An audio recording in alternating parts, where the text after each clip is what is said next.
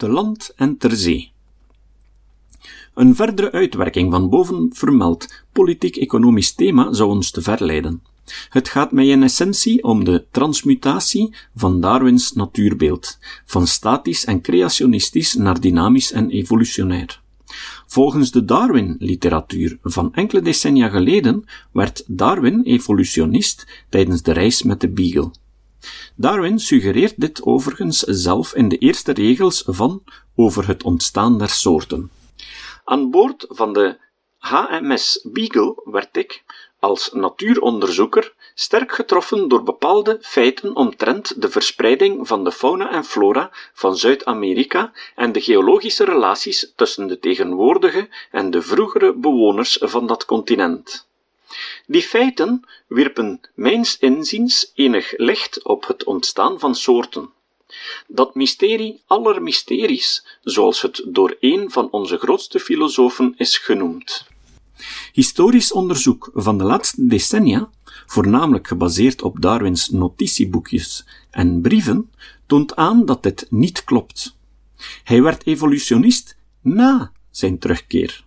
Het probleem is dat we de neiging hebben om zijn reisverslagen en tevens eerste publicaties in boekvorm, Journal of Researches, 1839, te lezen in functie van zijn evolutionisme, wat tot verkeerde interpretaties leidt.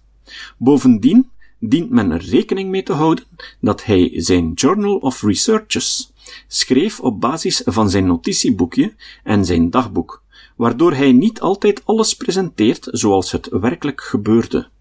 Bovendien heeft de vroege postdarwinistische literatuur sommige zaken nog verder laten afwijken van de werkelijkheid.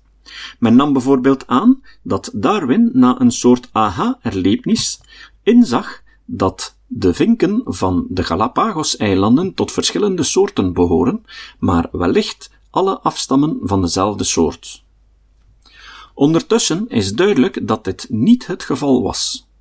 Frank Soloway's onderzoek, 1982a, 1982b en 1995, toont overtuigend aan dat Darwin de betekenis van de Galapagos-vinken pas later inzag.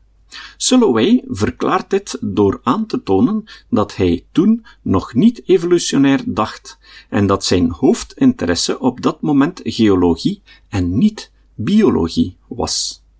Het is volgens Soloway vooral aan zijn geologische successen te danken dat Darwin het later aandurfde zichzelf als wetenschapper te presenteren aan het wetenschappelijke establishment van Engeland. Zijn acceptatie in die kringen dankte hij mede aan zijn vroegere botanieprofessor Henslow, die de interessantste stukken uit Darwins brieven aan hem had laten circuleren voor de terugkeer van de Beagle. Het stelde hem later in staat om met voldoende zelfvertrouwen het probleem van de oorsprong van soorten aan te pakken. Vanzelfsprekend maakte Darwin tijdens de reis talloze observaties die later zijn evolutionaire hypothese zouden ondersteunen. Verschillende problematische waarnemingen bleken achteraf op hun plaats te vallen, zoals het feit dat sommige fossielen sterk leken op, maar toch duidelijk verschilden van destijds levende soorten. Ook de vraag waarom, blijkbaar talloze, soorten uitstierven hield hem sterk bezig. Hij doorliep een aantal mogelijke oorzaken, maar besloot uiteindelijk het enige wat momenteel met zekerheid gezegd kan worden, is dat, zoals voor het individu, ook voor de soort de levensklok haar tijd heeft gehad. Journal of Researches, pagina 166. Dat sommige levende soorten een sterke gelijkenis vertonen met andere soorten die in een aangrenzende streek leven, viel Darwin uiteraard soms op, maar niet altijd. Bovendien zag hij het belang van dergelijke waarnemingen niet steeds in. Zo stond hij bijvoorbeeld niet stil bij de relaties tussen de vinken op de verschillende Galapagos-eilanden, noch bij de relaties tussen de schildpadden van dezelfde eilanden. De spotvogels daarentegen trokken wel zijn aandacht. Hij merkte op dat de spotvogels op de eilanden verschilden van de Chileense soorten, en dat ze ook onderling niet identiek waren. De exemplaren die hij ving, sorteerde hij per eiland. John Gould, ornitholoog en kunstenaar taxidermis van de Londense Zoological Society, zou later zijn vermoeden bevestigen dat het om verschillende soorten ging. De spotvogels zijn de enige Galapagos-organismen die Darwin zorgvuldig afzonderlijk hield. Pas later besefte hij dat hij hetzelfde had moeten doen met de schildpadden, vinken enzovoort. Een andere problematische vaststelling waren de rea-soorten. Darwin had van de Argentijnse gauchos vernomen dat er behalve de gewone Rea americana, de nandu, een struisvogelachtige, ook nog een andere soort bestond. Hij had die nog niet gezien, maar tijdens een maaltijd na een jachtpartij realiseerde hij zich dat ze een exemplaar ervan aan het oppeuzelen waren. Journal of Researches, pagina 84 EV. Hij stuurde de resten, zoals hij met vele andere lichamen van vogels deed, naar John Gould.